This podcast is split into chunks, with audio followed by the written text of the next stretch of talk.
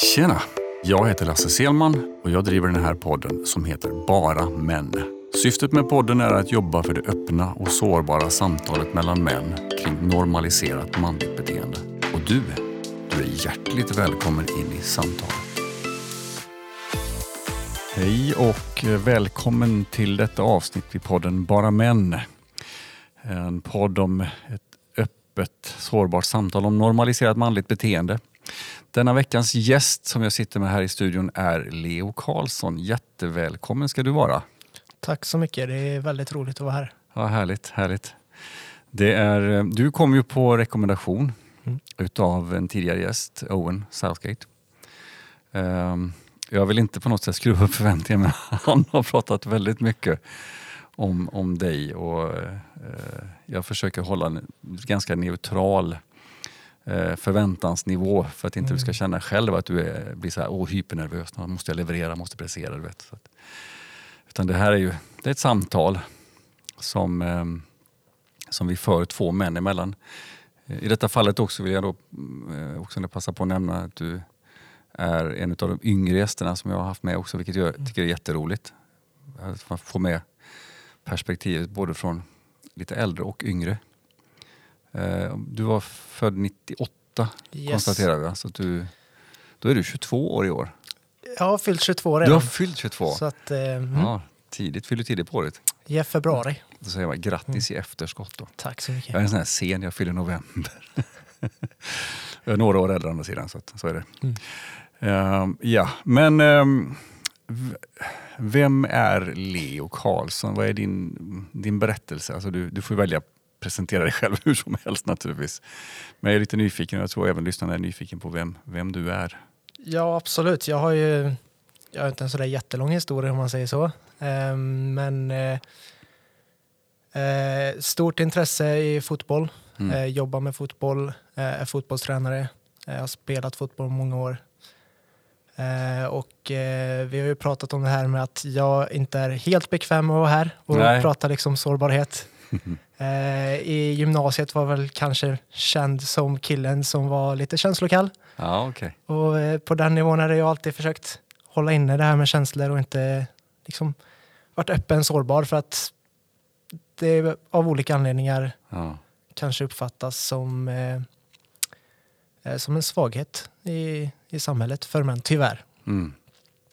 Och eh, det är väl senaste halvåret ungefär som det har pågått en form av street fight mellan eh, mitt ego och eh, min sårbarhet. ja, just det. Och en blodig sådan. Och det är just nu väldigt oklart vilka som vinner. Men Ja, vad härligt. Jag, jag, jag skrattar. Det är fullständigt igenkänningshumor. Jag hade skratt i det här kan jag säga. Det, det här är en, är en resa som jag definitivt kan knyta an. Jag, man kan väl säga så här att det, det finns nog inget, det är, inget, det är inte heller ett, ett resultat där, där någon alltid är vinnare, utan det varierar upplever jag ju själv. Alltså, ibland är det egot som tar över och ibland är det då den här sårbara själen som, som, som får sätta sig i, förarsätet och känna liksom att Nej, men ödmjukt nu, den här gången så var det jag som skulle ta över. Uh, ja, du, jag avbröt dig, jag vet inte om du, hade, du känner att du ville berätta mer om nej, jag hade väl dig inte själv så, som person. jag hade inte så mycket mer att säga egentligen. Nej. Eh, nej, som sagt, jag jobbar ju mycket med fotboll och Mm. för mig så ju mer jag blivit insatt i ledarskap i och med att jag är eh, ungdomsledare i Norrby IF då, Mm. eh, för 17-åriga pojkar som en ändå en ganska kritisk ålder för det här det. med sårbarhet och känslor. Det är mycket hormoner i kroppen. Och, Jajamän. Eh, ju mer jag läst på om ledarskap för ungdomar så har jag insett att ehm, det här med sårbarhet och att föra ärliga samtal om sina känslor och vad man liksom känner och tycker och tänker är väldigt viktigt för att, för att skapa tillit och för att skapa en trygghet eh, mellan, i relationen mellan ledare och eh, spelare. Och, Mm.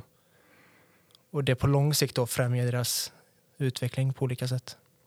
Upp, eh, oh, jag hamn, I din berättelse, det här är så häftigt, i din berättelse nu, där, där du pratar om precis nu, så hamnar jag långt tillbaka Mm. i minnet i min egen, mitt eget idrottande. eh, som var väldigt intensivt när jag var ung. Jag, jag säga, det var väldigt många olika idrotter, men de två första var ju lagidrotter då. Mm. Fotboll och hockey. Och, och just det här, det du beskriver, jag bara känner så här, var var du någonstans när jag växte? och Det är ju självklart teoretiskt, ja, teoretiskt går det men praktiskt omöjligt. Men det, det, jag hade insett att jag inser att om jag hade haft om jag hade haft någon ledare som hade öppnat den arenan så mycket roligare och enklare det hade blivit. För jag tror det var mycket eh, storm i- inne i liksom huvudet. Eh, mycket tankar runt omkring många olika saker. Och, och just det här att, att känna att, jag, att, det finns en, att det finns ett utrymme att lyfta de här frågeställningarna utan att man upplever det som eh, jag vill säga, konstig. För det tror, det, ja det vet jag ju inte, men jag tror ju att det hade förmodligen varit den responsen jag, som man hade fått om man hade lyft de här frågeställningarna i det sammanhanget. Um, och, och, vad, vad, vad, men I relation till då, om jag hoppar förbi mina erfarenheter, hur upp, upplever du att, att de eh, unga killarna som du leder idag, hur upplever du att de, de tar emot den, den tillåtande, det tillåtande utrymmet som du ger dem? Tuff fråga. Eh, Det varierar väldigt mycket eh, från kille till kille beroende på deras bakgrund. Mm. Vissa är liksom väldigt öppna med sin frustration Yes. Och då kan jag då känner jag att jag kan ta upp det med hela laget. Eh, För att hans lagkamrater ser också att han är frustrerad och då kan jag ta upp det inför gruppen varför han är frustrerad. För han är ett väldigt starkt uttryck för det. Wow. Eh, Men andra eh, är ju lite mer subtilt frustrerade. Ja. Om jag känner att kanske inte hela laget har sett det så tar jag med dem enskilt i så fall. Eh, Och vissa kanske säger direkt att de är frustrerade av den här Mm. anledningen. Vissa kanske man får mer lirka ute Mm. för att de inte riktigt är bekväma. Fantastiskt. Så det beror ju liksom helt på, på individen och vilken bakgrund de har. Just det. Jag ska faktiskt bara ta upp min telefon och stänga av signalerna på dem för jag kände bara så här, shit, börjar det nu surra i mina, i mina fickor eller någonting så kommer jag tappa koncept för det här, blev, det här var en ja, äh, fantastisk inledning. Jag, jag, är, eh, jag måste faktiskt erkänna att jag tror jag är, det är nog första gången som jag samtidigt känner att jag, att jag känslomässigt blev väldigt kraftigt påverkad utav utav den inledning vi hade nu. Till och med så kraftigt påverkad av inledningen att jag har tappat bort en av de här sakerna som vi brukar göra i podden varje gång. Men okej, vi, vi, vi gör helt enkelt så här, vi kan inte till det mer än att vi gör det än du. Mhm. Som jag hade tänkt att vi skulle göra tidigare. Ingen fara. Ehm, och det, det är egentligen inget konstigt. Jag, jag, kommer, jag ska förklara enkelt för dig vad vi, vad vi gör. Vi, vi har en liten ritual, som- det kallas för mental incheckning. Och även en mental utcheckning sen som, som, där vi liksom mer summerar våra egna upplevelser i relation till samtalet som har varit. Och ehm, eh, jag tänker det, det handlar mer om att sätta fokus, var har, man sin, var har min uppmärksamhet någonstans? Liksom, för i, ja, I dagsläget så kan man ju uppmärksamhet många, andra, många ställen, liksom, inte minst i, i dessa tider utav eh, kris, kaos runt omkring corona och annat. Eh, Så kan det ju också en sån sak som tar ens uppmärksamhet. Men jag tänker att jag börjar och, och så får du en liten hum om ungefär hur jag tänker mig att det går till. Um, och nu har jag ju redan förklarat för dig, jag, jag förflyttades ju lite grann känslomässigt redan i inledningen. Uh, så att jag har med mig den känslan in uh, utav någon slags Um, det, är, det, är någon, det är en blandad känsla, min uppmärksamhet lite på, på min egen historia och den kantas lite av någon slags sorg kring eh, avsaknad av det som du beskriver. Eh, parallellt med den eh, subtila känslan av sorg så finns det också en stor känsla av glädje och hopp över att det finns någon som, som jobbar med det här med unga människor och, och verkligen tar det på allvar att, att ge möjligheten till, till, eh, eh, till att, att, att vi förankrar oss mer i våra känslor och tar dem på allvar och, och liksom inte stänger inne dem. Eh, och sen är jag naturligtvis då beroende på Även om jag försöker stänga av det så är jag lite förväntansfull också med tanke på Owens håsade berättelse kring Han det. brukar göra det där. Än, än så länge kan jag säga att du har överträffat den förväntan. det, det, det, det måste jag faktiskt säga. Eh, Så att, ungefär så ser min uppmärksamhet just, ut just för tillfället i alla fall. Och varsågod säger jag då till din egen incheckning. Eh, ja, som vi pratade om innan här, jag är fortfarande extremt obekväm. Eh, detta är långt utanför min comfort zone. Aldrig riktigt pratat öppet om, om sårbarhet och känslor överlag. Eh, samtidigt så är jag extremt förväntansfull. Mm. För att jag vet att ehm, ju mer vi utmanar oss själva i saker vi inte är bekväma i, desto mer växer vi. Och jag har försökt eh, komma underfund med min sårbarhet eh, under en längre tid och jag vet att detta är ett stort steg i rätt riktning. Mm. Wow. Mm. Häftigt. Jag, jag kommer ihåg också, ja, tack förresten, tack eh, ska jag säga. Jag kommer ihåg också när, när jag skrev till dig och frågade om du vill vara med. Så var också sådär, du jag kommer inte riktigt ihåg exakta orden, men, var, men min, min summering var så här att ja, det här är extremt långt utanför min comfort zone, men jag säger ja. Och jag bara kände, shit alltså det här är, det här är fräckt. Och då började jag faktiskt också reflektera över, över liksom mina egna situationer. Hur mycket utmanar jag mig själv i, i situationer utav, ja, som när det handlar om att kliva utanför sin comfort zone. För att, precis som du beskriver, just att se om det här om det hjälper till i mitt växande på något sätt. Kan det ju låta lite grann sådär pretentiöst, att vadå växa? Ja, men men det, det är någon slags vilja tror jag för, inifrån mig själv att, att hitta liksom ja, att hitta kärnan, att hitta tryggheten i att, att eh, bara vara och känna att jag, jag är trygg med att jag är oavsett sammanhang. Då. Så har ju inte alltid varit fallet. Eh, det vet jag, vi pratade lite grann tidigare innan här om innan vi gick in i inspelningen att vi har båda upplevelser ur situationer när vi, som vi tittar tillbaka på och känner att det där var inte okej. Okay. Mm. Gjorde, varför gjorde jag ingenting? Varför sa jag inget? Varför, varför agerade jag inte på ett annat sätt? Och jag vet, jag hade också frågan till dig i, innan podden att du, om en reflektion just kring eh, en sån situation. Du får ju själv, självklart prata hur mycket du vill om andra situationer. Jag har ju många i mitt eget bagage. Men jag är väldigt nyfiken på, och jag tror att just i delandet här så, så ger vi oss också hän att, att, att, att dela våra tankar med att andra kan känna igen sig och, och få liksom reflektioner från oss. Hur, hur, ja, delvis kanske för att eh, reflektera sina egna sådana händelser och så vidare. Men nu, nu, nu blir det mest jag som pratar. Så att jag tänker vi fasar in lite grann och, och jag ställer då frågan om du har något sånt som du känner att du vill dela med dig av? Tankar runt omkring sånt som du där du kände att, liksom att du gick lite emot dig själv? Ja, det kommer ju bli mycket, mycket anknytningar till fotbollen här. Eh, det är helt okej, sammanhangen är ju ja, där de är. Eh, vi har ju, jag vet för ett par veckor sedan bara, mm. eh, så hade vi eh, ett lag som tränade bredvid oss. Det, det, var också ett tonårslag. Mm. Eh, och så hade en del av laget var ute vid, vid sidan och, och körde lite fys. Och varav deras tränare utropar eh, kom igen, ni ser ut som att ni är jävla kärringar. Eller mm. någonting i den stilen. Eh, vilket är väldigt så att säga gammaldags eh, tränarstil. Mm. Eh, och liksom på något sätt trycker ner eh, unga pojkars prestation genom att jämföra dem med kvinnor. Mm. Eh, vilket för mig är helt absurt. Mm. Och av någon anledning så gick jag inte över 50-60 meter mm. kan det varit och sa ifrån. Ja, just det. Och jag tänkte på vägen hem, varför in i helskotta gjorde jag inte det? Nej. Det är otroligt dumt om mig. Eh, det skapar ju, vi som ledare är ju, vi måste ju vara förebilder för de här unga killarna.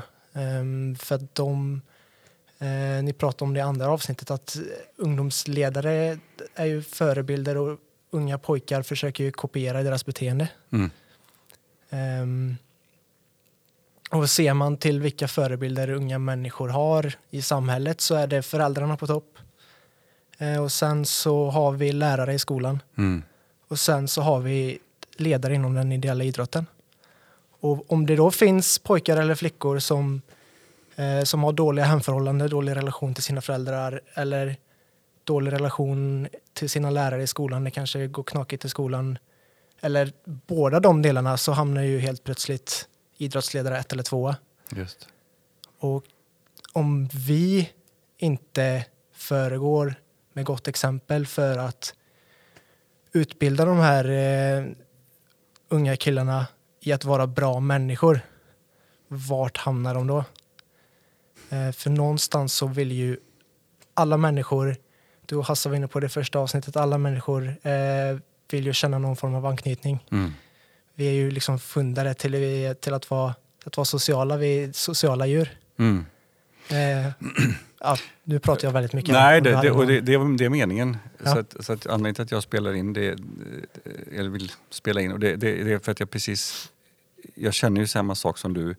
Och jag tänker på just det, eh, vilket är fascinerande att, eh, att höra dig säga just det här att, att du ser du ser dig själv som en förebild. Det, det, det tror jag många kan relatera till. Att, att man åtminstone på något sätt kan reflektera över att man är en förebild men också att, att man på djupet förstår vad det innebär. Att, ja, eh, alla, eller jo jag skulle våga säga att de flesta skulle i alla fall säkert svara ja på att ja, jag kan, jag kan förstå att jag är en förebild för vad det nu kan vara, elever, precis som du säger, eller som, som föräldrar då, att man är för, för sina barn och även eh, idrottsledare och så vidare. Men, att, men vad det innebär att, att, att det speglar då, speglas i, i, genom mitt beteende. Och i fallet du beskriver egentligen brist på beteende, alltså du, agerade inte. Mm. Eh, och jag kan, det, jag kan känna igen mig själv i, i flera situationer eh, där jag tror att eh, när jag vet att bristen på mod hos mig själv har varit just att jag, jag står vid sidan om och är passiv och, och hör eller ser saker och ting som jag tänker att, att eh, jag tänker nog förmodligen lite för mycket istället för att agera på det. Och, och därigenom så, så blir det liksom det jag inte gör blir så mycket starkare än det jag gör. Eh, och jag, jag, jag kan minnas jättemånga grejer eh, även som ung då, i relation till sådana saker som har präglat mig väldigt mycket. Jag tror att de, precis som du beskriver, väldigt många präglas av det. Och beroende lite grann på sammanhang du är i så är det olika människor högst på, på, vad säger man, högst på stegen där då. Och, eh, men jag, jag, jag funderar mycket också på du, för så som du beskriver det, vilket jag tycker är fantastiskt också, att du, du förstår att ta det ansvaret och vad det innebär. Men vad tror du det är som gör att, att man har så lätt för att säga att, att man är en förebild men att det är svårare att förstå att mitt beteende då speglar så starkt den förebild jag försöker, eller den, den, jag, den förebild jag kanske inte riktigt 100% är medveten om att jag är. För det, det finns ju ett problem där. Mm. Att man inte liksom riktigt är förankrad i att det jag gör, säger kommer att påverka de som är min omgivning. För så som du beskriver det så är du extremt medveten om det och kan agera på det och förstår att även om du inte agerar på det så kommer det också spegla. Men, men jag tror att kanske många inte riktigt har de, de har inte de reflektionerna, de tankarna. Vad tror du det är som gör, vad, har du någon fundering på vad det är som gör att man inte riktigt är där och reflekterar över det utan man agerar som att det, ja jag vet inte, det, man är frånvarande i, i just det perspektivet. Det är ju en jättekomplicerad fråga Jag, såklart. jag vet, jag kände det. Den blev dessutom extremt lång. Ja, eh, nej men jag... Någonstans så tror jag att jag kan, om jag kopplar an till mina egna erfarenheter, Mm. ehm, så tror jag att många är extremt rädda för att bli, vara obekväma i, i det de känner Mm. eh, och ifrågasätta sig själva och den de är. Mm. Eh, kanske på grund av ett stort ego eller eh, kanske för att de, de är rädda att se sig själva i, i, i spegeln och fråga vem är jag och, vad står jag för? Mm. Ehm, och liksom allt vad det innebär. Eh, så det, det är klart att det förmodligen är en faktor, eh, om jag får spekulera fritt. Mm. Ja, det får du göra. Här är det fullständigt möjligt. Yes, Vi kan Ehm. killgissa som eh, Hasse sa i första avsnittet. Det Ja, jag är ett roligt det- uttryck. det är ett väldigt roligt uttryck. Eh, det ligger nog mycket sanning bakom det också kan jag tro. Kan vara så. Ehm, nej men helt enkelt att man är rädda för att, allmänt rädd för att se sig själv i ansiktet och det, det är tufft. Eh, vi är någonstans funtade för att vara, vara så bekväma vi bara kan. Jag satt precis och tänkte på just Ja. bekvämlighet, för Ja. det var det som föll hos mig. Bekvämlighet, bekvämlighet. Det, det är så bekvämt att, eh, att se oss själva som, som bättre än vad vi är. Mm. Ehm, och liksom tänka att, att vi står för, för någonting. Alltså, någonstans, vi upplever inte världen som den är utan vi upplever den som vi är. Och att ändra sin, sin världsuppfattning kan liksom vända upp och ner på hela, liksom hela, hela livet. Mm. Och det, det är någonting som är extremt jobbigt och någonting som jag tror att många är rädda och utsätter sig själva för. Ja, eh, när, du, när du under tiden som du pratar nu och pratar bekvämlighet och se sig själv i spegeln så, så kommer jag att tänka på en sån sak som jag reflekterar över ibland själv. Eh, det, det blir väl ur ett... Eh, alltså, när man har hittat sin egen medvetenhet och kan reflektera på den, som jag upplever att jag själv har gjort, så är det å ena sidan väldigt skönt. Men å andra sidan så fruktansvärt jobbigt ibland. Det är lite grann som i de jobbiga perioderna, så här, har du sett filmen Matrix? Ja. Det är, I de jobbiga perioderna det är det liksom lite grann den här känslan, varför tog jag inte det blå pillret? Mm. Var jag tvungen att gå, jag tror det är blått i alla fall, rött är väl liksom att man blir medveten och kommer liksom, få ja, ja, vi låter det vara osagt, det är inte så viktigt. Men känslan är i alla fall att, att var jag tvungen att bli medveten om mitt medvetande då? Och då? För då är det precis den här känslan att när jag konfronterar mig själv i spegeln så finner jag också oftast att i de jobbiga stunderna så blir jag också väldigt dömande mot andra. Mm. Och i efterdyningarna så inser jag också att ja, men det är din sanning som du speglar. Inte den personen du värderar eller dömer. Och det är då det blir jobbigt. För då måste jag ju fundera på vad ska jag göra med den informationen. Mm. Och det var det som snurrade igång när du pratade om det här att man inte... Alltså för att våga se sig själv i spegeln så måste man också bli konfronterad över Mm. hur världen ser ut genom mina ögon. Mm. Eh, spännande. Väldigt spännande tankar. Och jag är oerhört fascinerad över ditt sätt att filosofera runt omkring det här. Det är häftigt alltså. Jag kan ju säga att för ett halvår sedan så har det ju aldrig gått i de här tankbanorna. Jag har, jag har börjat läsa mycket nu i år. Ja. Eh, Så att eh, det, det sätter perspektiv på saker och ting och, och öppnar böcker. Jo men det är ju det. Alltså, den, när du börjar se dig själv i spegeln. Mm. Det är då saker och ting händer. Mm, absolut. Och att, att våga liksom ta sig an de här lite tuffare frågeställningarna som reflekteras tillbaka till dig själv och inte som så att säga, försvinner ut gentemot en annan person. Då. Mm, och för att förankra det här, om man ska nu förankra det i, i, i det som ämnet är då, vi kallar det för normaliserat manligt beteende. För jag, någonstans kan vi väl båda vara ganska rö- rörande överens om att det här ligger ju långt utanför könsgränserna egentligen. Mm. Eh, men vad är det då tror du som gör, om du, tar den här eh, ledaren där Mm. som vi pratade om i detta fall som då eh, som du då inte konfronterade men reflekterade i efterhand över. Vad tror du, vad tror du liksom för jag kan känna igen uttrycket om man säger så Mm. från mina år och jag funderar liksom på var kommer det ifrån? Alltså, vad- vad, är det för kultur som har skapat den, de begreppen, de här klyschiga uttrycken? Det, det, det finns ju många fler än sådana och vissa av dem vill jag inte ens ta i min mun.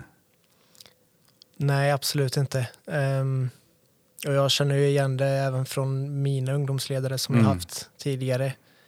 Eh, det är ju någonting som tyvärr är väldigt normaliserat. Eh, Jag undrar också vad, Bland- vad är syftet med det? Vad, vad vill de skapa med det? Alltså det är också en sån där, det funderar jag mycket på. Ja. Vad, vad, vad ska hända?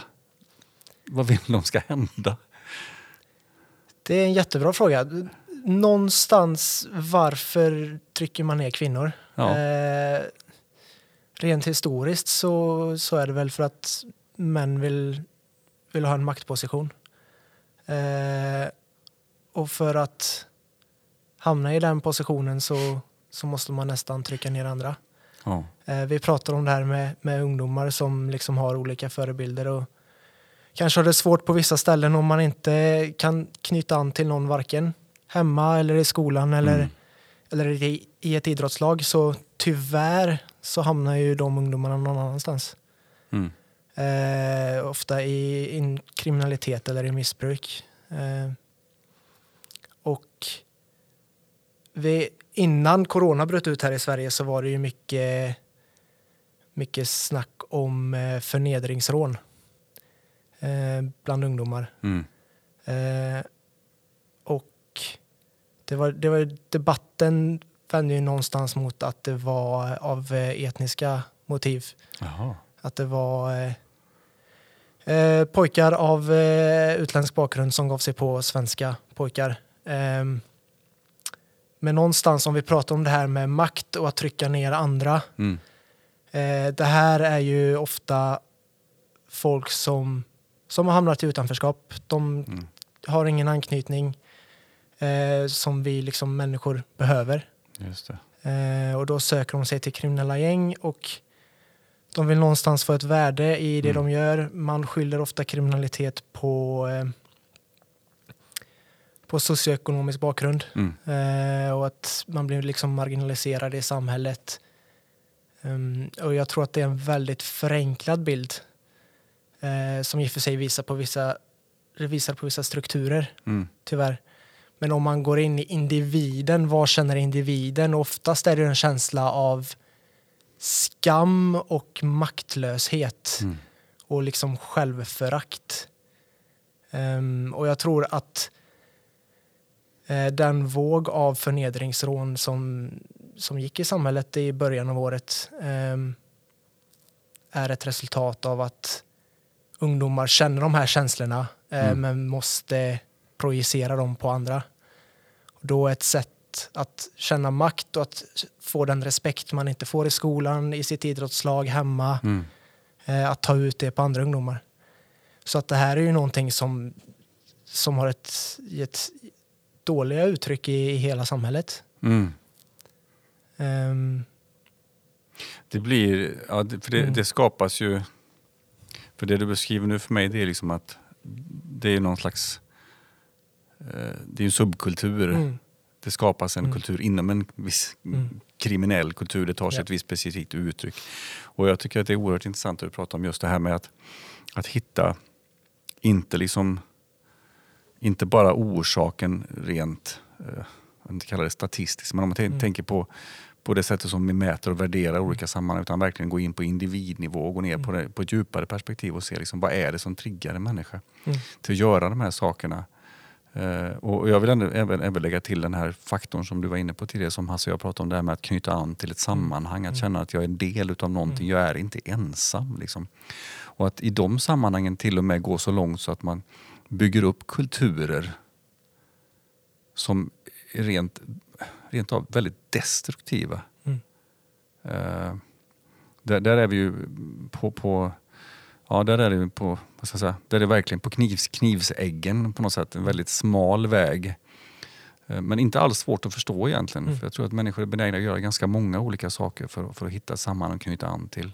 Framförallt när man är extremt förvirrad Mm. och känner stort utanförskap i många andra sammanhang. Där man borde, tror jag, rent eh, generellt, där man tycker att här borde det vara självklart att jag känner att jag är värd något. Mm.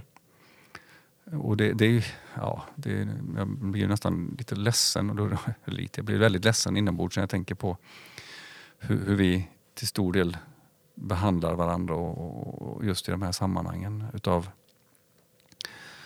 att inte vi ser varandra på något sätt. Att vi värderar utifrån väldigt ytliga faktorer. Mm. Och, Det är alltså tillräckligt för att människor ska ta vägar som ja, leder rätt in i dest- destruktivitet. Jag får nästan ta ett litet djupt andetag för det var ett litet djupt andetag, stort djupt andetag. Det var I didn't see that one coming kan jag säga i samtalet. Det var, men det, det, det är fascinerande när, när det händer liksom att man fastnar, man stannar upp i någonting och känner liksom att wow, här är ett spår. Jag, jag, jag har inte något direkt nyhetsflöde i Mm. mitt liv så det här med förnedringsrån, när du nämnde det, sen känner jag, det var som att oh, nu hamnar jag i något slags förvirrat till. Vad är det? Mm. Alltså, jag känner inte ens till begreppet. Eh, Så jag, jag förstår ja. ju nu när du beskrivit det och, Mm. och, för, alltså, och sätter det i ett sammanhang så förstår jag ju. Mm. Men, men det var eh, det är oerhört fascinerande. Eh. Mm. Mm, jag pratar ju om det, alltså det beror på, man, man kan känna en skam och pratar vi sårbarhet så är ju det som det som någonstans eh, sårbarhet motverkar, det, det är ju en skamkänsla Mm. eh, som jag tror är otroligt viktig i det här samtalet. Mm. Eh, att just när vi pratar om manlighet att man ska vara perfekt, man ska inte visa sig svag. Eh, och liksom att vara sårbar innebär ju någonstans att omfamna sina svagheter och inse att man är inte perfekt. Eh, ingen av oss är det. Nej, eller ja. alltså, du, det är, du är inne på någonting jätteintressant tycker jag, just det här. För, för att där, här har vi ju ett, ett eh, vi kallar det för, ska vi kalla det för ett outtalat ramverk. Då. Nu pratar vi män generellt, men jag skulle ändå vilja påstå mänskligt ramverk. För att för att någonstans kunna sätta ett värde på dig själv och den du är så måste du också värdera Mm. egenskaper. Mm.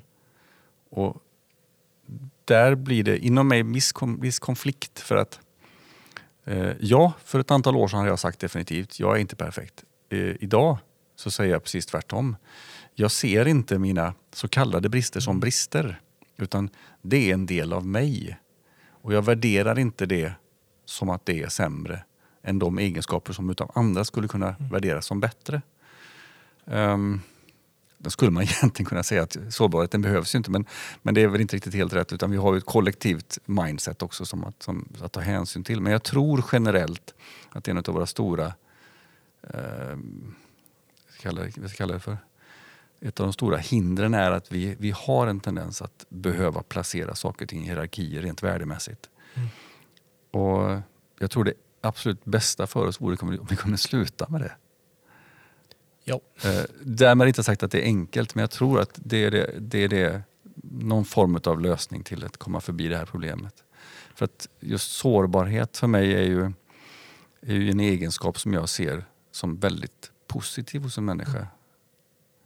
Eh, nu går jag in och värderar den bara för det. för att ta emot mig själv. Nej, men det, jag, jag, jag, jag föraktar inte någon som inte är sårbar heller om man säger så. Det, det är lite det jag menar, att det finns, det finns en poäng där att, att, att vara väldigt öppen med just de egenskaperna. Mm. Nu måste jag faktiskt villigt erkänna att jag vet inte var vi började någonstans när jag började prata om det här. Jo, men vi pratade om det här med, med manligt och med sårbarhet och, och just det, precis där. Ehm, och det, det, det är klart, det finns en utmaning generellt att, att manifestera den kollektiva ramen. Att ja, men sluta se det som ett problem. För det är precis som vi pratade om, en känsla är för- är förankrad i relation till någonting. Och den känslan är ju äkta för den personen som upplever den. Och det går inte för någon annan att säga att ja, men sluta känna så. Det är, så enkelt är det ju inte. Va? Mm. Man måste komma till insikten själv om att det här är liksom, jag vill inte känna så här. Jag vill kunna agera på det här sättet. Ungefär som du beskrev, att du skapar en öppenhet, en arena inom laget. Att Mm. ta tillvara på känslorna. Mm. Och, och, och, ta, och låta människor, liksom, de här killarna, få känna att, att eh, de ska ta sina känslor på allvar. Mm. För där är väl, tror jag, kanske då det normaliserade manliga perspektivet historiskt i alla fall att, precis som du sa innan också, att män ska inte vara närvarande med sina känslor på det sättet. Det är inte manligt om man säger så. Sen kan det ta sig olika uttryck men, men det är inte manligt. Men kanske vissa specifika sammanhang i samband med vissa saker är det okej för en man att gråta, i vissa sammanhang är det inte okej. Eh, och det är också normaliserat. Va? Mm. Ehm. Mm. Om vi, om vi tar ett annat perspektiv, kommer säkert studsa lite fram och tillbaka i det här. Jag, jag var också nyfiken på att höra eh, om du upp, vad du har för upplevelse i relation till sammanhang där du har känt att du har agerat på ja, men det här var ett sammanhang där jag verkligen liksom agerade på känslan att göra det här. Oavsett om det handlar om du ville spegla dig själv som förebild inför andra eller om det bara handlar mer om att stå upp för, för, för vad du själv tror på. För det också, kan också vara utmanande. Det är delvis Ja. utmanande för en själv men också utmanande för omgivningen när man agerar på det perspektivet. Mm. Har du någonting du känner att du, som du har i närtid eller med dig där? Bara för att ge lite teoretisk bakgrund i det här och detta kommer vara otroligt kontroversiellt. Okej. Eh, Spännande. För jag kommer prata om hederskultur lite. Ja. Eh, och i svensk bedömning, den svenska divisionen av hederskultur är ju att eh, man tar ifrån någon eh, dens mänskliga rättigheter för familjens heder. Just det. I till exempel könsstympning eller Ja. att man gifter bort sina barn. Och ur ett svenskt perspektiv så är ju det någonting som oftast sker i Afrika eller Mellanöstern i familjer och klaner där. Mm. Eh, den engelska definitionen av hederskultur ehm, är att eh, så enkelt som att man vill försvara sin egna eller gruppens heder. Mm. Och då tar ju sig det för en helt annan bild av vad hederskultur är. Mm. Eh, Ge gärna ett exempel på, på alltså en grupp. Eh, Jag, jag tror att jag förstår på ett ungefär, men jag tar gärna ett exempel på, på en grupp som där, vilken, vars heder man ska försvara. Om man tar ett fotbollslag till exempel. Ja, jag kände, yes. jag kände nästan att det var där. Den var på väg. Ja, Ehm, men det är bra, det är helt okej. Jag tycker det, och det blir väldigt, för mig blir väldigt, ja, och tror jag för många som lyssnar också väldigt starkt kopplat till, till engelsk ja. fotbollskultur kan man väl kalla det för. Jo, men precis. Men om man ett fotbollslag, det, det är en grupp. Det är, och I många fall så ska det ju vara som en liten familj. Just det. Eh, men om man har en motståndare som spottar på sin lagkamrat eh, så är det ofta så att hela laget kommer dit och försvarar och gruffar. Och beroende på vilken kultur man har i laget så kan det urarta sig i slagsmål. Mm. Eh, och tar man om man försvarar sin individuella heder så kan det vara som att, så mycket som att någon kallar dig för en idiot ute på krogen och du ska svara med att ge honom ett knytnäveslag i ansiktet. Mm. Eh, så det handlar helt enkelt om att, om att någon på något sätt talar illa om dig eh, och du tar åt dig det och känner att du måste försvara dig det antingen verbalt eller fysiskt. Mm. Eh, om man tar det då, vi hade en match för eh, två månader sedan ungefär. Eh, där en av våra killar gick in i en onödig glidtackling mot en motståndare. Mm. Och jag liksom, får, han får frispark emot sig och jag liksom säger till honom att varför lägger du dig ner i den tacklingen? Stå upp och försök liksom styra hans passning åt något håll Mm. eh, och täck, täck din yta. Och domaren blåser i pipan och joggar fram till mig Oj. och blir liksom det du säger är inte okej. Eh, motståndarna kan uppfatta det på ett väldigt fel sätt. Och jag var liksom, jag ger feedback till min spelare, det är inte okej. Och vad jag förstod i efterhand var att han förmodligen hade hört eh, lägga sig ner. Ja. Uppfattat att jag hade sagt att motståndaren filmar. Jaha, ja, jag förstår. Eh, så jag förklarar bara att jag, jag ger feedback till min spelare Ja. eh, och det är helt okej och han, han ger mig en tillsägelse och, och joggar därifrån. Och så har jag en, en svensk kille, eh, 17-åring, Mm. eh, uppväxt eh, i ett av Borås finare områden, eh, bredvid mig på bänken, som vänder sig mot mig och säger Vad gör du? Ska du inte stå upp för dig själv? Och där blir det liksom han på något sätt ser det som att min heder har kränkts Mm. och att jag ska stå upp för mig själv och försvara mig själv. Just. Eh, samtidigt som jag ser det som att han har missuppfattat någonting. Jag har sagt det jag har sagt. Jag vinner ingenting på att gå in i den här diskussionen. Nej, nej. Och vilken förebild, om vi pratar om det igen, vilken Mm. förebild är jag för mitt lag? Mm, mm, Om jag går in och bråkar med, med domaren för en sån småsak. mm. Egentligen kan man ju säga det jag hör i sammanhanget här att han, precis på det du beskriver, Mm. så, så tolkar jag det som att do, det domarna har hört Mm. förankrar sig i hans, domarens Mm. eh, förståelse kring, kring din intention. Mm. Inte kring din Nej. intention. Eh, och är fantastiskt också just hur, att hur, du, hur du också kan reflektera över att på bas av att du är trygg i din intention behöver du inte heller gå i clinch med någon som har tolkat din intention som en helt annan. Frågan är, var jag så jävla trygg i min intention där? För att jag, på vägen hem så tänkte jag, vad, alltså kommer mitt lag tänka mindre om mig nu? Eh, gjorde jag rätt i den situationen? Ja, alltså, och det finns, ju, det finns ju ett moraliskt dilemma i det. Ja, det förstår jag. Mm. Eh, Men, men baserat på det du beskriver för mig nu då, Mm. så anser jag att du var förankrad i din intention. Mm. Eh, Samtidigt så finns det naturligtvis möjlighet för många människor runt omkring baserat på det de har hört och sett. Mm. Att tolka Mm. det som att din intention var någon annan. Mm. Men då är vi tillbaka där på, på det vi pratade om tidigare. Att jag ser världen utifrån mitt perspektiv. Det jag Mm. har Mm. med mig i form av tolkningsföreträde Mm. på det som händer och det jag Mm. ser. Eh, självklart är det som så här att beroende på att alla människor har inte riktigt förmågan att kunna reflektera på det sättet som vi Mm. pratar om här nu. Så att det som det, kan, det, det, som det kan, kan bli är att ja, det som hände, det blir ju det de upplevde hände. Och där finns naturligtvis risken då Mm. att, de, att du, jag ska kalla det för, eh, att du som förebild då eh, får en, kalla det för en turn eller vad man ska kalla det för, Ja, det är svårt att uttrycka det på rätt sätt. Men, men, men din intention framkommer ju inte med tydlighet i relation till dem i så fall. Eh, Mm. Det krävs ju från deras sida sett att vara förankrad i att du gjorde det du gjorde med god intention. Mm. Sen behöver inte de förstå hela sammanhanget eller ens ta del av detaljerna för att tolka det ur sin egen intention. Mm. Eh, Det blir väldigt teoretiskt hela situationen, det förstår Ja. jag. Det Men jag tror, mm. jag tror att många gånger så, så handlar det om att, att också ha en trygghet till att om det är någon människa som inte har förstått din intention så får man ju fråga. Mm. Mer komplicerat så behöver det inte vara, säger jag. Det, det, Mm. det är kanske det, men det behöver inte vara Mm. mer svårare än så. Mm.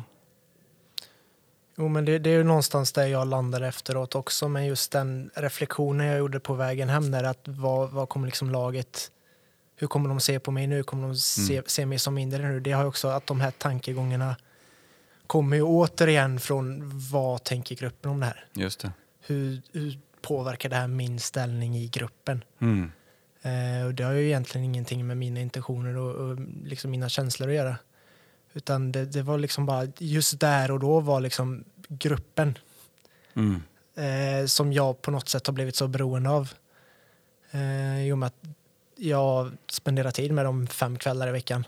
Just det. Eh, vad tycker de nu? Eh, och att det liksom påverkar en så starkt ändå. Även, även om jag där och då, när det hände, var, var väldigt trygg i mina intentioner och det jag gjorde, att jag efteråt liksom började ifrågasätta Mm. mina intentioner på grund av vad en person i gruppen tyckte, inte vad hela gruppen tyckte, Nej, men vad en person i gruppen tyckte. Blir inte det lite det som vi var också inne på i början? Av det här vi pratade om, vem vinner? Mm. Alltså, för, där, för, för mig blir det så att där klev ju du, där klev din, eh, din andra del, alltså egot klev ju in. Mm. Och det blev en förhandling mellan då Mm. egot och, jag har inget riktigt bra, bra uttryck för det andra. Jag vet, eh, Owen kallar det för true self. Jag, sanna jag, ja, Ja. det kanske funkar Ja. egot och mitt sanna jag hamnar i någon slags konflikt då. Mm. Och man förhandlar med sig själv. Mm. Liksom. Och, och jag tror att ganska många människor kan säkert känna igen sig i de här situationerna. Även om man inte eh, gör en, en, en lika medveten reflektion som den du beskriver nu alltid så kan man känna igen sig med att man haft det här tvivlet då. Mm. Gjorde jag rätt Mm. i relation till någonting? Och, och att fundera på och, och att fundera på även i det läget Okej, vad- om jag hade gjort så, vad hade, liksom, vad, vad, vad, vad hade kommit ur det? Och i relation till det jag gjorde. Och, och sen sätta sig ner och fundera och värdera den situationen. Mm. Eh, för det kräver också, kräver också ganska, kräver att man är närvarande i spegelbilden av sig själv och vara klar över att nej men, jag agerade rätt utifrån mitt sanna jag. Och sen att ha tillit till att det är okej. Mm. Om andra tolkar det på andra sätt så är det också okej. Eh, men det kräver ju, det är också en utmaning där. Eh, I, i, i, det statement att man ska, jag ska vara en förebild. Det, liksom, det blir ju, förebildsdelen blir ju en slags ram för, för agerandet. Och inom den ramen så kan jag agera på många olika sätt beroende på hur jag uppfattas av människor i, den, i det sammanhanget. Uh, mm. Ja, det, det, var, det var häftigt. Det var en häftig beskrivning av en situation faktiskt. Den var lite också sådär... Uh, den, den, kräv, den krävde lite fundering en stund för att mm. förstå dilemmat som, mm. som jag tolkade det för dig. Mm. Som du hamnade i.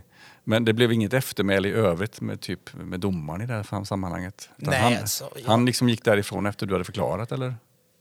Ja, det, alltså jag, har ju, jag har ju varit domare eh, så att jag känner de flesta domarna i Borås. Ah, okay. eh, så att vi känner ju varandra sedan innan så det, ah, det, är ja. ju inga konstigheter så utan jag tror bara han ville markera inför, inför spelarna eh, mm. och liksom höja sin position på något sätt. Han såg det ur ett annat perspektiv helt ja. enkelt än vad du gjorde? Ja, och det får man ju köpa liksom. Det, vi, vi, har olika bakgrund, olika erfarenheter. Så det, det är som det är. Ja, just det. Det är som det är. Mm.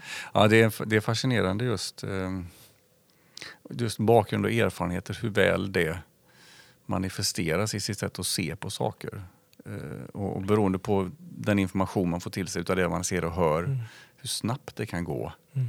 att utifrån det jag hör och ser så tolkar jag situationen på ett sätt och sen så, så är det som att det kuggar in det liksom mm. automatiserat beteende. Mm. Uh, som naturligtvis man kan reflektera över, men, men just i stunden ibland det väldigt, kan det vara väldigt svårt.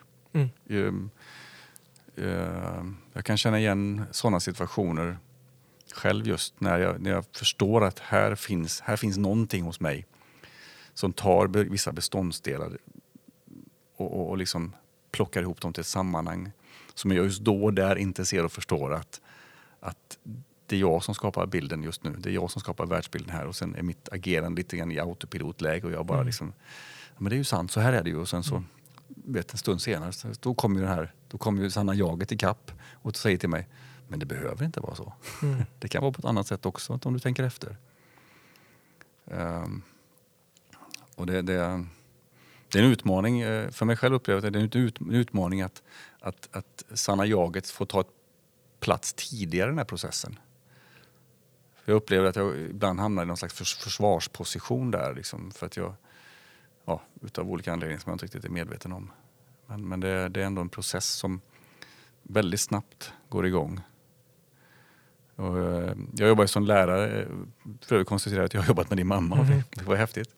Det, det, men jag jobbade som lärare en, en kort period jag märkte ju väldigt kraftigt hur, hur många ungdomar också har, hade de tendenserna. Liksom att man tolkade snabbt signaler mm. från sin omgivning och hamnar väldigt ofta i någon slags skydd. Mm. Och I liksom relation till någon slags position eller sin image, man vill kalla det för det. För det, det är också någonting som jag upplevde som ungdom och som många ungdomar har med sig. Liksom. Uh, just det, där är ju spännande. Du jobbar med ungdomar 17 år sa du va? Ja. Och jag, jag kan ju tänka mig att det kan vara, inte minst då inom fotbollen med så mycket starka individer just på, på, på så att säga, internationellt nivå. många starka individer som också blir förebilder för ungdomar. Mm. Att där också, där också byggs upp en slags image hos ungdomar som spelar fotboll. Mm. Och som man liksom försöker bekräfta då på olika sätt. Hur upplever du att, att den, just den biten i, fungerar i kombination med din, din, din öppenhet, din arena om känslor, känsloperspektivet? Förstår du vad jag menar där? Ja. För det blir ju någon slags imagen här kontra den lite mer sårbara, öppna, transparenta ja. unga människan. Liksom. Eh, det är ju en utmaning i, i alla lag jag har jobbat med. Jag har ju varit i lite olika grupper. Ehm, alla tonåringar och killar. Ehm, och det är klart att det, det är en utmaning för, för dem. Eh, den miljön som, som jag försöker skapa. Mm. Eh, för att det är någonting de aldrig varit med om tidigare.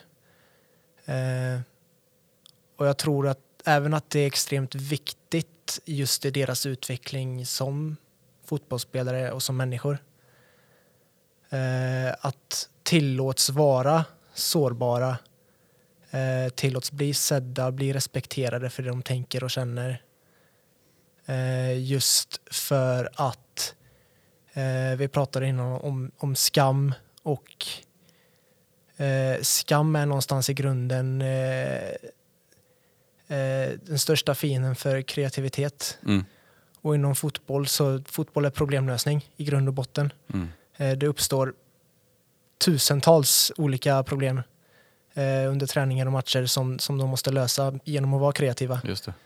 Ehm, så liksom, även om de inte är vana vid det så försöker jag ändå skapa en kultur som, där de kan känna sig, känna sig trygga i, i att vara sårbara så att de inte känner den här skammen så att de tillåts vara kreativa och utvecklas som fotbollsspelare. Men även det perspektivet, nu arbetar jag i en elitklubb Mm. eh, där huvudsyftet är att få de här spelarna upp till A-laget i Superettan. Mm. Ehm, men statistiskt sett så är det ju bara max två killar som kommer nå Norrbys A-lag. Mm. Ehm, och då kan ju inte bara fokusera på att utveckla fotbollsspelare utan även utveckla människor. För 19 av dem kommer inte bli fotbollsproffs, Just det. eh, rent statistiskt. Mm. Eh, så de måste man ju också tänka på. Ehm, så jag försöker inte lägga, lägga allt för mycket fokus på vilka deras andra förebilder inom fotbollen är, men jag har ju märkt att det i början när jag är i ett lag så, så är det ju lite motstridigt och det är lite det är mentalt utmanande för killarna. Mm. För att de befinner sig i situationer där de inte har, har befunnit sig i tidigare. Vilken fantastisk... eh, Alltså jag, det, jag är imponerad över just bara inställningen och, liksom medvetenhet om att, som du säger, ja, statistiskt två personer Mm. går vidare till bli fotbollsproffs. Resten kommer hamna någon annanstans Mm. ungefär. Och att du också, alltså, att också förstå och ta ansvar för att det de går vidare till kommer att vara präglat av det du har bidragit med. För där, där, alltså, nu kan jag vara extremt fördomsfull faktiskt, inser jag ju när jag säger det. Men där kan jag tänka mig att kanske inte alla ledare, tränare är i, den, i det medvetande perspektivet just att, att, att man, har som, man har som fokus på resultat och prestation generellt. Mm. Att man inte ser liksom att okej, men, men det finns en, finns en människor här som inte kommer fortsätta med det här. Som, som även om de bidrar till det här just nu, Mm. när de lämnar sen så är, är det, får de med sig någonting av det jag har så att säga, varit med och skapat och ta det ansvaret. Alltså det, det är stort på något sätt, känner jag. Ja, det, är- det är jätteviktigt för, för, liksom, för samhället i stort. Eh, den, idrotten har ju, har ju den kraften att eh, Visst, i skolan lär vi oss kunskap, Mm. men det är väldigt mycket annat eh, mycket andra nödvändiga livskvaliteter som vi lär oss genom eh, exempelvis idrott. Mm. Eh, som lagarbete, respekt, eh, hur man hanterar motgångar, hur man Mm. hanterar medgångar. Mm. Och det kan vara nog så svårt. Eh, och jag vet, alltså mycket av min personliga utveckling kommer ju just från, från fotbollen. Mm. Visst, jag har ju fått kunskap om franska revolutionen och eh, Pythagoras sats och liksom allt som möjligt i skolan. Mm. Men mycket av den kunskapen jag faktiskt haft nödvändighet av ute i livet efter skolan Mm. eh, kommer från fotbollen. Mm. Eh, och det är ju, vi har ju ett otroligt ansvar där i, i idrotten i allmänhet. Att i första hand eh, ut, utveckla unga pojkar till, till bra, bra män, liksom. bra fäder och bra, eh, bra makar. Ja, man är, man är, eller vi är mer, på, vi, är, vi, vi är i många olika sammanhang. Inte, Ja. inte minst bara män, utan, Nej. utan vi alla är i många olika sammanhang och ska förväntas kunna agera. Ja, men precis. Det är, alltså, ju 99,6 procent tror jag som, som inte blir elitidrottare. Just det. Eh, och ska de bara idrotta på liksom den smala vägen och Mm. sen blir det liksom ingenting av det. Det blir ju någonstans ett slöseri med deras tid. Men har, upplever du att um, ur det perspektivet du kan se det kan jag säga, mm. för det, det, jag förstår att det kan vara svårt att göra någon vetenskapligt förankrad uh, verklighet av det här. Men upplever du att, att idrottskulturen generellt skulle behöva en, vad ska jag kalla det för, någon slags uh, shape-up i fokus här. Att, att, det, att man liksom faktiskt också, för när du säger 99,6 procent ut, utav alla som inte blir elitidrottare, då tänker jag så här, det är ju många, det är alltså, det är många som är i idrotten mm. som inte kommer gå vidare och bli elit, elitidrottare. Mm. Mm. Men som, som genom så att säga, sitt, sitt idrottande med ett annat fokus från idrottsrörelsens skull, äh, idrottsrörelsens sida skulle kunna växa som människor på ett helt annat sätt. Om nu idrottsrörelsen hade haft ett annat fokus än det här mer resultatorienterade då. Mm. Jo men absolut. Eh, det, det är ju det jag jobbar med också, ledarskapsutveckling inom ungdomsidrotten av, av just den här anledningen. Mm. Eh, vi, vi har ju ett enormt samhällsansvar. Eh, och liksom om man inte är hemma och pluggar eller hemma med familjen så är det ofta i idrottsrörelsen man befinner sig om man ska ha en sund fritid. Mm. Eh, för annars, rent statistiskt, så är det, då hamnar man i grupper som antingen begår kriminalitet eller missbruk eller så sitter man hemma framför eh, tvn eller datorn och spelar spel. Man kan bli musiker också. Man kan bli musiker också. Jo, Säger men det, jag som erfarenhet. Ja, precis. Men det, det, och det är ju kulturellt betingat i, ja. det, i viss mån. Men, men jag förstår mer vad du menar. Jo, men precis. Det är ju jättemånga barn i Sverige som under någon tid i livet är aktiva i en mm. idrottsförening. Absolut. Um, så att vi har ju, just nu så är det ju många som, uh, som slutar redan vid 11 års ålder. Mm, jag hörde det. Uh, det där nedgången, ja, det där nedgången går liksom. Då måste vi någonstans ställa oss frågan vilket värde har idrotten i barn och ungas liv mm. utöver att vinna fotbollsmatcher eller liksom komma först i 100 metersloppet eller vilken idrott man än håller på med. Mm. Måste finnas något mer värde. För annars så, så kommer idrottsrörelsen dö ut. Eh, och då får vi bara ett få antal idrottare eh, som liksom är eh, kan, kanske har en eh, fördel om de är födda tidigt på året och, och får en liten fysisk fördel i början. Det är ju bara de som kommer fortsätta idrotta. Mm. Eh, och då kommer ju också Sveriges, om man nu ska tänka resultat, mm. Långsiktigt, om vi inte har någon bredd, då kommer ju våran spets gå åt helvete också. Ja, ja. Jo, men det, upp, det blir ju uppenbart ja. så. Det, det, förstår jag. Och det, det, ja, det, det, det är spännande frågor för, det, för det, i stort kan man säga det är ganska omfattande värderingsförändringar som krävs. Mm. Uh, även om jag tror på något sätt känslan är att den här resultatfokuseringen ner i åldrarna har kanske inte alltid varit där. Utan att den har vuxit under en period. kanske i relation till den resultatfokusering som vi har haft generellt mm. i samhället. För det är mm. mycket väldigt orienterat kring resultat. Mm. Vi mäter saker och ting. Mm. På, på, inom många olika segment så mäter vi saker och ting väldigt ofta. Eh, och värderar då. Och det är klart, det finns en viss vits, det finns en viss poäng i det.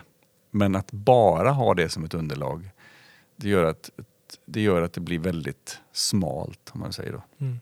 Och, och, du var inne på det här med födda tidigt på året, fysisk fördel och så vidare. Det, det, då hamnar man också i det här, ja, så många som kanske då eh, har en, en senare utvecklingskurva som försvinner bort för att man för tidigt prioriterar då de saker och, ting, och mm. värderar saker och ting som, som fysisk överlägsenhet som, som bättre mm. i, i unga år. Uh, det är ju tragiskt. Mm. Istället för att tänka att, att vi, vi utvecklas olika och vi utvecklas olika fort. Och vi har olika egenskaper. Men vi, det, det, det är ju faktiskt fascinerande kan jag tycka om man, om man ser till både idrott och musik då, som jag själv eh, mer förankrad i nu än vad jag var när jag var yngre. Då var det mer idrott. För, för i, det, i, det, i, det, stora hela så finns det ju en enorm fascination för mig.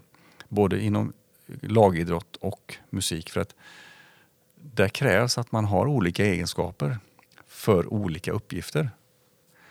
Eh, det hade varit ganska tråkigt om alla hade spelat trummor i ett band exempelvis. Nu finns det ju sådana band i och för sig. Men, men, men, men, det blir inte mycket till musik utav det. På samma sätt som det var ganska tråkigt om alla hade lirat anfall. Va? Vi hade ett, ett lag med 11 mm. forwards. Liksom. Det, det, funkar ju inte. Mm. Förståelsen för att, vi, att olikheten är viktig. Mm. Och, och, och, eh, för, och det tycker jag är fantastiskt. Och att olika egenskaper i ett lag värderas lika eh, högt. Mm. På samma sätt som att man värderar olika medlemmar i ett band lika högt. Mm. Du kan liksom inte, det funkar inte om, om, om, om vi bara ska lyfta upp de som gör mål mm. hela tiden. Mm. Utan vi måste liksom någonstans bygga det på den kollektiva insatsen. Mm. Alla bidrar ju på olika sätt. Uh, det, det, har ju tror jag idrotten mycket att jobba med för att förstå när du kommer ut i yrkesliv också. Mm. Att, att, att uh, det är också olika funktioner på en arbetsplats eller olika företag som, som, där olika egenskaper behövs. Mm. Och ingen egenskap är egentligen bättre än någon annan, även om i vissa fall många jag menar det är många frontfigurer i band, många målgörare får mycket utrymme exempelvis i media. Mm. De, blir, de, får, de blir sedda på något sätt.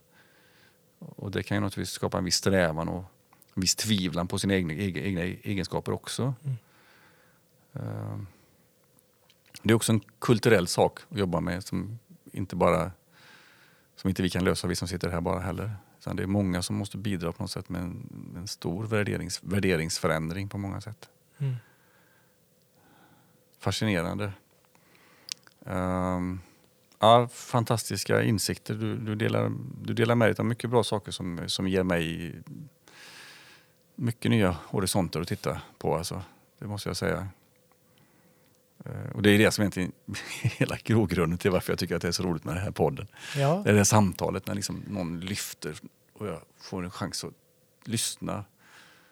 Och sen snurrar det några varv. Mm. Och sen kommer ut någonting som jag själv hör mig säga och funderar på var kom det ifrån? Ja, men precis. Det, det gäller ju att vara, vara medveten om, liksom, som du pratat om tidigare i podden, att vara medveten om det man tänker och känner och, och liksom vad grundar sig det här i.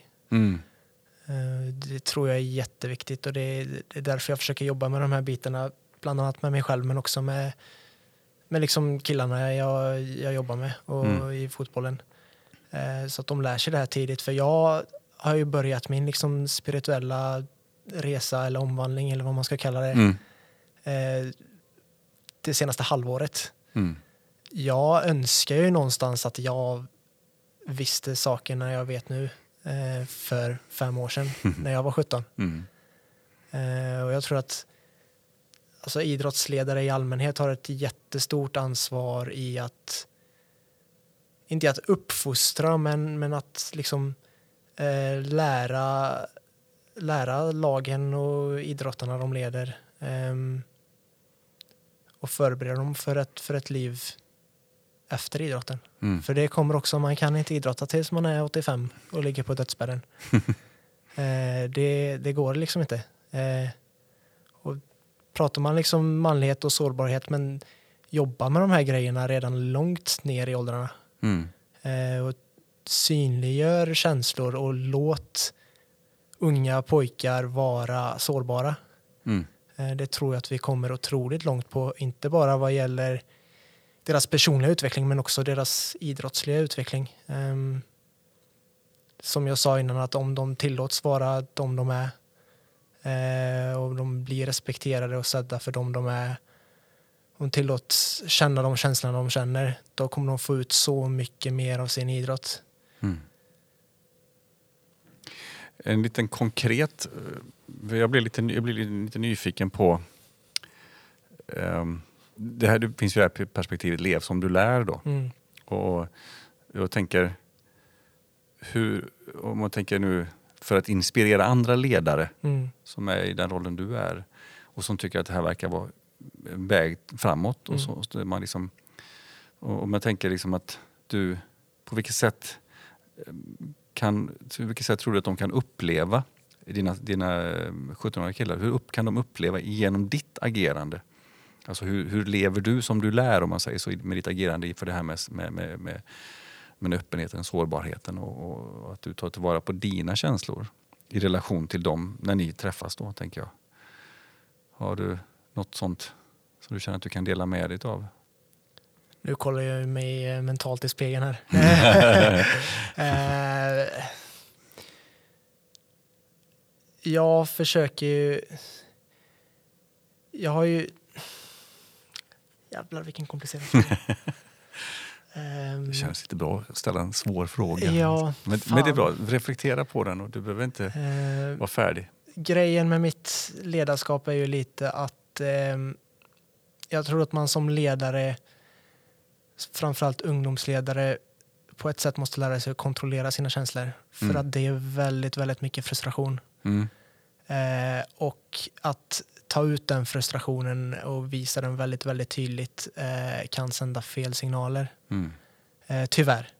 Eh, vilket gör att man någonstans måste kontrollera sina känslor och någonstans så är gränsen mellan att kontrollera känslor och stänga ute känslor ja. extremt, extremt tunn. Mm. Eh, så men alltså, jag försöker ju ha lite filosofin att utanför plan så försöker jag vara spelarnas vän. Mm. Inte deras bästa vän för jag kommer behöva liksom disciplinera dem ja, ibland när de förstår. är stökiga. Eh, men jag försöker ha en, en så bra relation med spelarna som möjligt. Det kommer nästan först för mig. Mm. Eh, för om inte jag förstår hur de fungerar, om inte jag vet vilken bakgrund de kommer ifrån mm. Eh, så kommer inte jag veta vilket tillvägagångssätt som är bäst för, för att inspirera och lära dem. Um, så det är väl framförallt det att jag, jag mm. utanför plan så försöker jag ha en liksom, så nära relation med mina spelare som, som jag kan komma utan att det blir liksom för intimt. Och, mm. Du och jobbar egentligen med att, med att se varje individ liksom, och, och, ha en, ha liksom en ska säga, att det finns någonting i djupet, inte bara se dem som fotbollsspelare om man säger så, i den rollen som de är. Utan ja, men precis. Mm. Att det, och liksom förmedla känslor på det sättet. För när det kommer till själva fotbollen så mm. är jag antingen väldigt stolt, väldigt passionerad mm. eller liksom väldigt avslappnad. Ja. Eh, mer känslor än så försöker jag inte visa i mitt ledarskap när fotboll spelas. Eh, för att mina känslor kommer projicera sig på, på spelarna på planen. Mm. då vill jag att de, de ska ha energi mm. och de ska vara avslappnade och liksom, de ska liksom ha passion. Och där räcker det liksom. Det, det är fräckt det du säger. Ehm, för jag tror att... Och jag, tycker, jag tyckte om också ditt sätt att prata om att, att stänga av och kontrollera mm. känslor. Mm. Um, för jag tror det är viktigt att förstå, mm. inte minst när, när, du, när man är som du i en, en i en roll som, eh, som, som förebild bland annat. Då, att, att det är okej okay att ha känslor. Men att också förstå att min kontroll mm. av känslorna, alltså att inte agera på alla mm. känslor, mm. gör mig till en bättre förebild. För jag tar ansvar för dem. Mm. Det är inte samma sak som jag stänger av och stänger inne dem, utan jag tar ansvar för känslorna. Jag tror jag, det, var, det var väldigt klokt faktiskt sagt, tycker jag i det här sammanhanget. Jag har sett jag har sett eh, fotboll både live och på, på tv. Ibland, man upplever ibland den här hur de som jag tycker som jag får mest förtroende för utan att egentligen vara spelare, men det man ser det är precis de som beskriver det du säger. Man kan se att de har kontroll.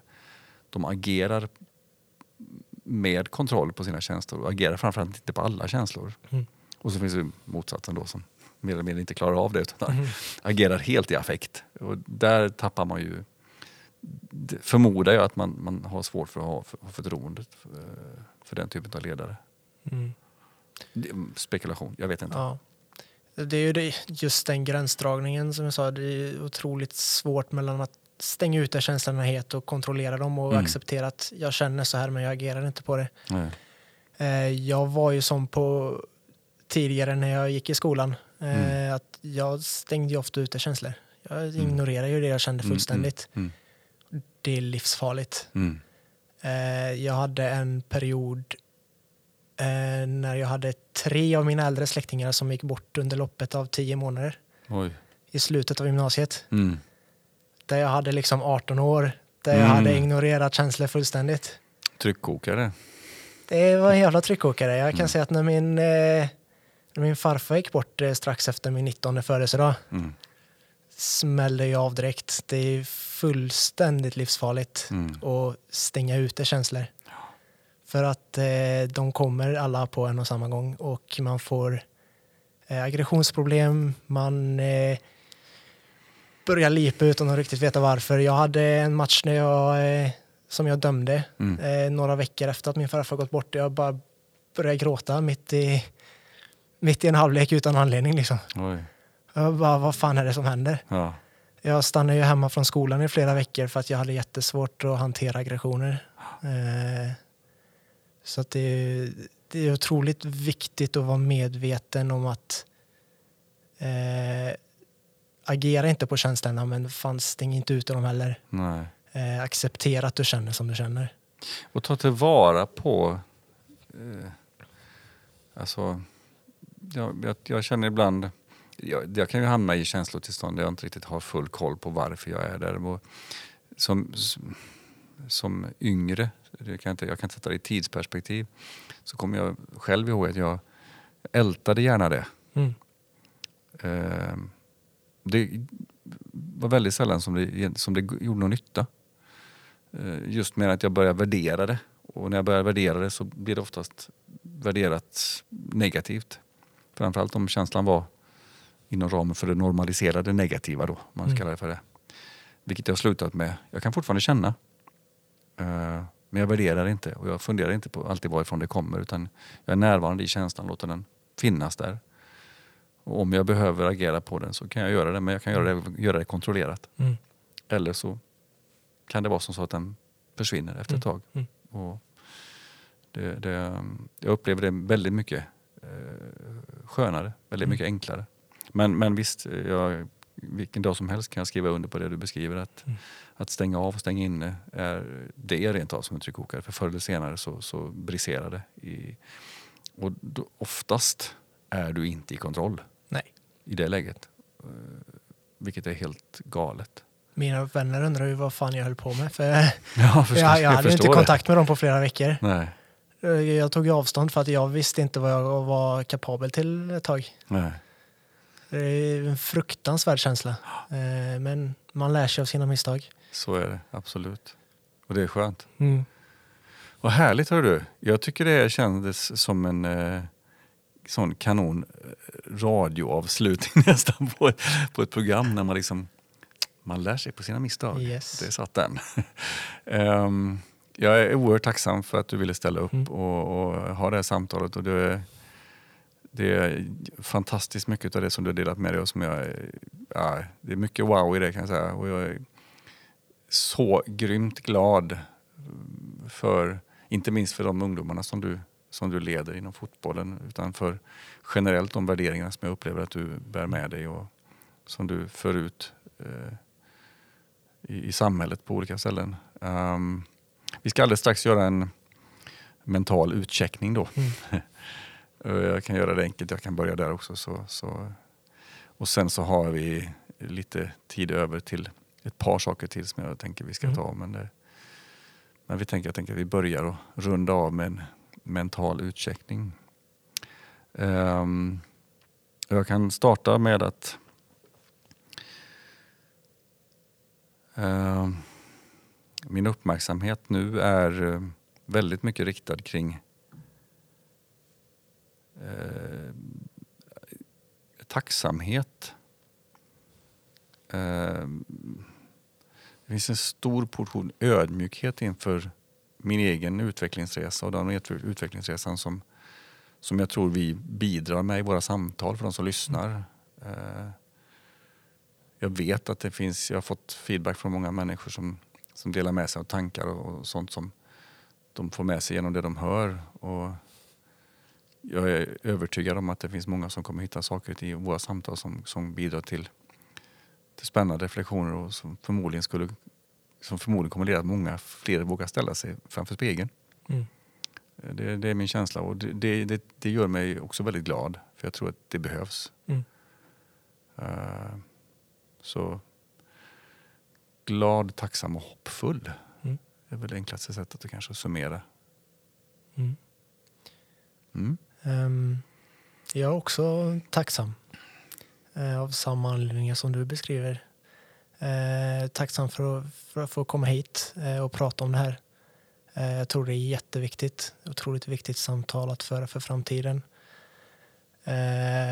Och liksom tacksam för, för det den här podden står för Mm. och det du gör för att synliggöra det här. Ehm, också tacksam för, att, för mig själv för att jag vågade göra det här. Jag är otroligt stolt över det.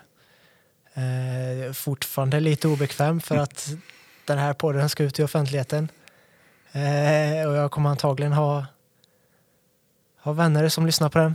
Eh, Det får vi hoppas. får vi hoppas. Ja. Eh, Det kommer också vara inspirerande. Det är jag, ganska, jag är väldigt övertygad, övertygad oh, om. det, det tror jag med. Eller jag hoppas det i alla fall. Mm. Men det är ju klart att det är lite nervöst att det, man blir ju sårbar när man pratar på det här sättet. Mm. Eh, men det är otroligt viktigt. Eh, ja. Tack. Och ett, ett, jag vill lägga till, jag, jag, jag, för det, det var faktiskt också en av, när jag började med den här podden så var det precis det du beskriver nu. Jag, jag tänkte så här, okej, det jag säger nu kommer att gå ut i offentligheten. Vem som helst kan höra på det här. Människor som jag inte känner, människor som jag känner, har känt länge. Vad kommer de att tänka? Alltså, det blev mycket funderingar kring var, var, vad, vad blir deras uppfattning nu Mm. om mig? om, om, för jag är ganska säker på att, att man kan inte undvika att bygga uppfattningar om människor. Och eftersom vi utvecklas så kan jag tänka mig att Mm. då kan man också tillåta den uppfattningen att förändras. Jag har ju ändrat uppfattning om mig själv. Mm. Så jag får väl se det som en eh, slags ödmjuk gest att låta andra människor också ändra uppfattning om mig. Eller om dig i detta fallet. Och jag är övertygad om att eh, du kommer inspirera människor genom din öppenhet, din sårbarhet och det du delar med dig om. Kanon! Vad, ehm, jag frågade dig i alla fall, tror jag, jo det gjorde jag, i, när jag skrev om, du, om det är någonting du vill pusha för när det gäller dig som person eller någonting som du står för att du ska få en chans att göra det. Jag vet ju att du jobbar för NYFA Mm. eh, och eh, du har ju andra situationer i samhället också, eller i samma, olika sammanhang Mm. inom idrott och annat som du, som du känner att du vill pusha, prata för eh, de sakerna så är du välkommen att göra det. Hur kan man exempelvis stötta NYFA? Hur kan man, om man vill komma i kontakt med NYFA? Eller, Ja, eh, vi, just nu i coronatider behöver vi väl all stöttning vi kan få. Mm. Eh, om man är intresserad av vad, vad vi gör eh, så kan man gå in på nyfasweden.se mm, och läsa där. Det finns massa information. Eh, och eh, liksom är man intresserad så finns det kontaktinformation till både mig och Owen där. Mm. Ehm, och det, mycket det vi gör handlar ju om ledarskapsutveckling med just de här värderingarna som, som jag har pratat om här. mm. Eh. Kan man ansluta, jag tänker om man liksom som enskild individ, inte, man tillhör inget lag eller Mm. något sånt där, man vill liksom bara man känner att ja, men jag vill lira fotboll i ett sammanhang med människor som tänker så här. För, det, för, för i andra sammanhang har det inte riktigt funkat för mig. Är det, är det möjligt liksom att göra det? Vi har öppna träningar för de som vill eh, varje fredag. Ja, Eh, eller nästan varje fredag. Nu är det lite ja. ja. svajigt med tiden här som jag förstår. Jag förstår. Eh, Men det, om, man, om det är någon kille som är under 25 som lyssnar på det här och, och- är intresserad så bara liksom kontakta mig eller Owen. Mm. Så berättar vi mer. Just det. Härligt. Och ni jobbar med, vad jag sett och förstått så jobbar ni både med eh, killar, killar och tjejer, eller kill och tjejlag och killar och tjejer rent generellt. Ja, det, är- det, det är väl tanken är att det är öppet för båda. Nu är det ju mycket mest killar intresserade. Ja, det är så. Eh, Det är som det är, men vi vill ju försöka nå ut till tjejer också. Ja. Mm. Härligt. Supertack. Eh, jag har en fråga till här och det gäller om du har någon som du känner, men det här är en gäst som jag gärna skulle vilja rekommendera till podden. Och det behöver inte nödvändigtvis vara en gäst som du känner. Mm. Det kan vara någon som du tänker och tror att Mm. men här tror jag skulle vara en perfekt person. Hur ungt kan jag gå? ja, alltså, jag kan väl inte påstå att det måste vara en åldersgräns. Det är, väl, Nej. Eh, jag är väldigt tveksam om, om han kommer gå med på det. Det är en annan sak. det, det är en helt annan alltid sak. ställa frågan, sen är ju valet fritt. Liksom. Jag, jag har ju en kille som jag både har dömt, varit lagkamrat med och varit tränare för i två år. Jaha. Eh, som en fantastisk kille. Eh, uppväxt dels i ett omklädningsrum i ett fotbollslag men också under kristna förhållanden. Så att jag tror att det skulle vara ett väldigt intressant samtal. Ja. Och det är Jonathan Tidstål. Jonathan Tidstål. Yes. Ja, okej. Eh, Jag ska försöka och se. Mm. Och så får vi se vad Jonathan själv säger Mm. om, om han vill eller inte. Det är, det är fritt val. Det är Men helt honom. Ja, men det, det är ändå häftigt tycker jag någonstans. Du gör en värdering, som, värdering utav att ja, men, han skulle vara intressant för podden. Mm. Och, och det, det är det som räknas tänker jag. Liksom. Mm. Och sen det samtalet är det som, som jag tror är kul att, att få dela ut då, i, till alla som lyssnar. Du, eh, supertack för att du ville vara med. Och, eh, även om du eh, fortfarande lite envist hävdar att, att du känner dig obekväm så kan jag säga att jag har inte märkt av den obekvämligheten under samtalet. Eh, det skulle i så fall vara att eventuellt jag har pratat mer än vad jag brukar göra i podden. Men, men, men det har samtidigt också känts ganska naturligt för min del eftersom du har, du har gett mig mycket att reflektera över. Jag sa ju i början att jag är perfekt på att eh, inte visa känslor så att det, det, det är jag expert på. Det kan vara det också. Alltså jag har ändå känt en hel del kan jag säga. Ja. Förmodligen, förmodligen är du inte så himla bra på att dölja dem som du tror. jag känner av en del. Så att jag är oerhört tacksam och, över att du har varit med och jag är också tacksam över att, Mm. att det här forumet någonstans, som jag tolkar det, är också med och bidrar till att ta dig ett steg vidare. För nu har du ju, i och med det här så kliver du ur din comfort zone och det, det- då, Mm. då öppnas ju arenan upp för någonting annat. Mm. Så det, jag ser fram emot att följa med på den resan som åskådare. Och kan, vem vet, du kanske är tillbaka här i podden om ett tag. Och så Det, det vet man inte. hittar vi ett annat spår som, som knyter an till det här. Mm. Men som sagt, tack så jättemycket. Eh, och jag önskar dig all lycka med det du Mm. håller på med. Tack själv, det har varit eh, jätteroligt att vara här. Härligt. Tack för att just du har lyssnat på vårt samtal. Podden är producerad av pods.se som är en del av Pricka Studios. Du hittar fler avsnitt på Acast, Spotify, Soundcloud eller där poddar finns. Du kan också få information om fler avsnitt via våra sociala medier. Vi finns på Instagram på namnet bara underscore bara underscore man. Ett spännande namn men tyvärr fick det bli så. Och på Facebook som bara män. Nya avsnitt publiceras var 14 dag och skulle du vilja stötta våra samtal så är du hjärtligt välkommen att kontakta mig på lasse selman.se. Selman med S-E-H-L-M-A-N. Där hittar vi en lösning tillsammans som passar dig. Tack och du är hjärtligt välkommen tillbaka till nästa samtal.